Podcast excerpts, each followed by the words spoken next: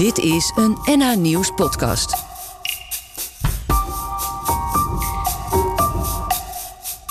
Op een dag kwam een kind naar beneden huilend. En toen zei die mam, en dat raakt me nog steeds... ik wil niet dood, maar ik weet ook niet meer hoe ik moet leven. En dat was het moment dat we hulp gingen zoeken. Want dit was te groot. En het hielp. En dan was het theaterkamp, één keer per jaar.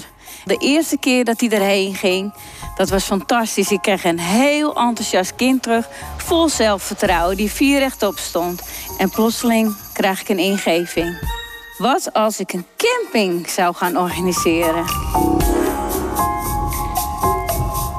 Paradijsvogels. Zo noemt Brenda jongeren zoals haar kind. En gedreven door de ervaringen die ze met die heeft, zorgt ze voor plekken waar deze jongeren ruimte hebben om veilig hun vleugels uit te slaan. Bij NH vertelt ze hoe haar plannen ontstonden. Twee gekleurde vleugels staan op de sokkel naast Brenda, als visuele ondersteuning van haar verhaal. Ze zijn het symbool voor de paradijsvogel. Dit is het podium waarop inspirerende Noord-Hollanders ons vertellen wat hen drijft. Dit is de plek voor onze strijders.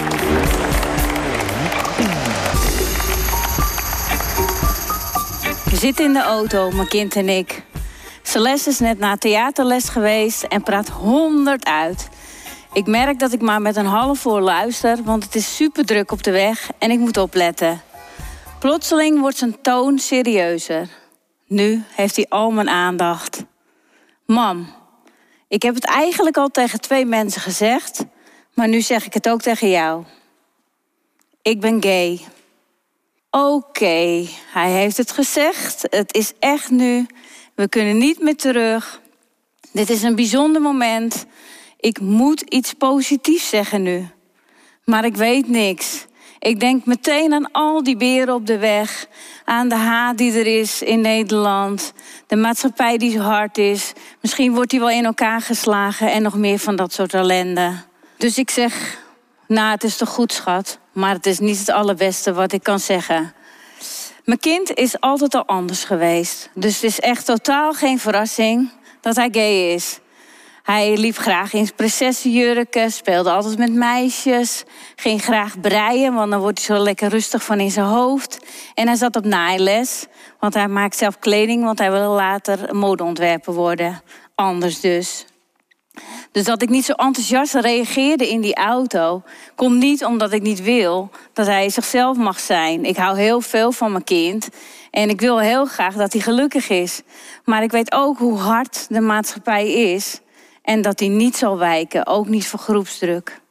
Mijn kind is echt heel veel gepest. Dat begon al op de lagere school. Dan werd hij gepest door de voetbaljongetjes. En in HAVO 1 werd het heel erg. Dan werd hij achtervolgd in de gangen. Door groepen jongeren. Dan kon hij niet eens zijn brood opeten in de pauze. En toen hij naar een Halloweenfeest wilde... dat was echt het dieptepunt. Want toen werden we opgebeld, de school... van nou, het is het beste dat je je kind niet naar het feest laat gaan... Want we kunnen zijn veiligheid niet garanderen. Ik was woest en verdrietig tegelijk. En natuurlijk is hij wel gegaan. Ik ben meegegaan als docent. Als zogenaamde docent. Met pijn in mijn buik. Maar het was ook goed, want ik heb gezien een kind dat vier rechtop liep. Met zijn zelfgemaakte bordeaux-rode fluwelen jas aan. Dat zwierde achter hem aan. En hij had plezier met andere meiden. Hij ging dansen. Maar hij is die avond ook gepest. En ik heb het niet gezien. Het ging onder de radar. En het doet wat met je als je altijd maar gepest wordt. Als je altijd maar buiten gesloten wordt. Als je ergens wil zitten en iemand gooit even een rugzakje neer... zodat jij er niet kan zitten. Als je altijd maar alleen op je kamer zit. Dus op een dag kwam een kind naar beneden huilend. En toen zei die man, en dat raakt me nog steeds... ik wil niet dood, maar ik weet ook niet meer hoe ik moet leven.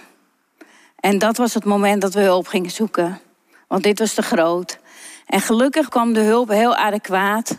En het hielp. En we zochten een kleurrijke school. Waar hij nu, oké, hij wordt nog wel af en toe gepest. Maar hij kan nu op woensdag altijd op hakken naar school. Veel beter. En dan was het theaterkamp, één keer per jaar.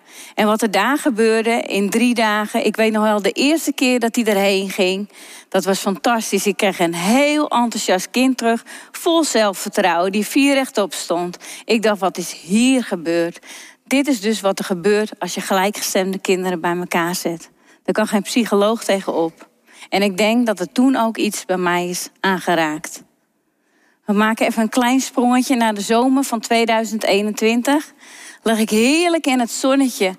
En ik moet eigenlijk werken, maar dat doe ik niet. En ik denk weer aan dat theaterkamp waar mijn kind heen gaat. Ik denk wat heerlijk kind dat je daarheen kan gaan. En wat jammer dat er niet meer van dit soort plekken zijn. Ook een plek waar we samen misschien heen kunnen op vakantie, zodat hij niet alleen in die voortent hoeft te zitten. Maar die zijn er niet. En plotseling krijg ik een ingeving. Wat als ik nou zelf van dat soort plekken ga organiseren? Wat als ik een camping zou gaan organiseren? Heel even geniet ik van het moment om vervolgens meteen dat stemmetje in mijn hoofd te horen. Een camping, camping, doe niet zo belachelijk. Je hebt niet eens een camping en wie zit er nou op te wachten? En dat stemmetje heb ik nog heel vaak gehoord, zal ik eerlijk in zijn. Maar toch, in de zomer van 2022 is pop-up camping de paradijsvogel een feit. Het is de eerste camping voor LHBT of LGBTQ+. Het is een hele afkorting. Kinderen, jongeren en hun ouders. Een plek waar ze veilig op zoek kunnen gaan naar een genderidentiteit. En ook voor ouders, want ik ben zelf zo'n ouder vind ik het belangrijk, weet je wel, dat ze met elkaar, gelijkgestemde ouders, hun zorgen kunnen delen. En die camping, dat is het beste wat ik ooit heb gedaan. God, wat was dat mooi. Mijn kind is inmiddels non-binair. Die liepen er ook. Transkinderen liepen er uh, rond. En uh, overigens dat non-binair heb ik wel heel ingewikkeld gevonden. A, moest ik het opzoeken in Google wat dat was. Niet mannelijk, niet vrouwelijk. Mijn kind, en daarom zeg ik ook mijn kind in plaats van mijn zoon. Heeft hun naam veranderd. Ik zal nu ook proberen in de juiste aanspreekvorm uh, te gaan praten. Dat vind ik ook best ingewikkeld.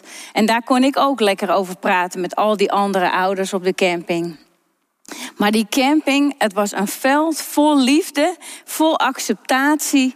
Uh, er was heel veel animo voor al de eerste keer. We hebben een midweek en een weekend georganiseerd. Het was eigenlijk veel te kort. Er kwamen kinderen binnen, die kwamen echt zo met hun hoofd naar beneden binnen.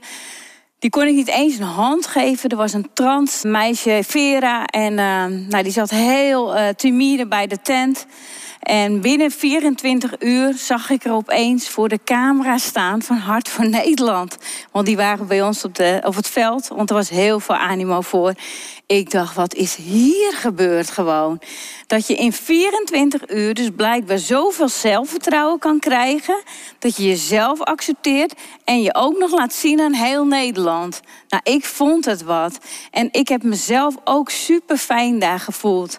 Want weet je, ik heb ook een kind dat graag in jurken loopt. Nou, en in de huidige maatschappij. En ik heb ook gemerkt, met alle media-aandacht die we hebben gekregen, hoeveel haat er over me heen is gekomen. Dus uh, dat krijg je als je je kop boven het maaiveld uitsteekt. Dus ik moet af en toe zelf ook weer moed verzamelen om door te gaan. Maar daar dacht ik, oh lieve kind, wat leuk dat je je jurk hebt aangetrokken. En ik ging gewoon weer verder met uh, andere mensen praten. Ik hoefde niet op te letten wat de rest ervan vond. Ik ben me er bewust van geraakt, want die kinderen moesten naar uh, huis. En ja, ze zagen er een wijs tegen op. Dus ik dacht, ik moet meer lichtpuntjes gaan organiseren op de tijdlijn van die kinderen. En dus organiseren we nu een aantal events per jaar. De camping komt er ook weer aan. Twee weken lang gaan we nu. Heel veel mensen hebben er al heel erg zin in. Dus dat is superleuk. Ik wil wat doen aan de zichtbaarheid. Dit is het echt het mooiste wat ik ooit heb gedaan. Kinderen als Celeste geven kleur aan de maatschappij. En ik wil ze daar heel graag bij helpen. Het kost moed, weet je wel, om zo in het leven te staan. En ik wil ze daar super graag bij helpen. Door plekken te organiseren waar ze hun vleugels kunnen uitspreiden. En iets moois is er niet.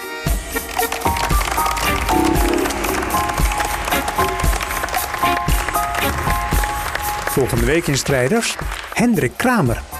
Die nog maar net begon met een carrière als visser toen zijn vader hem dat onmogelijk maakte door niet meer uit te varen. In de jaren daarna bleef Hendrik werken aan een plan om het vissen toch weer op te pakken.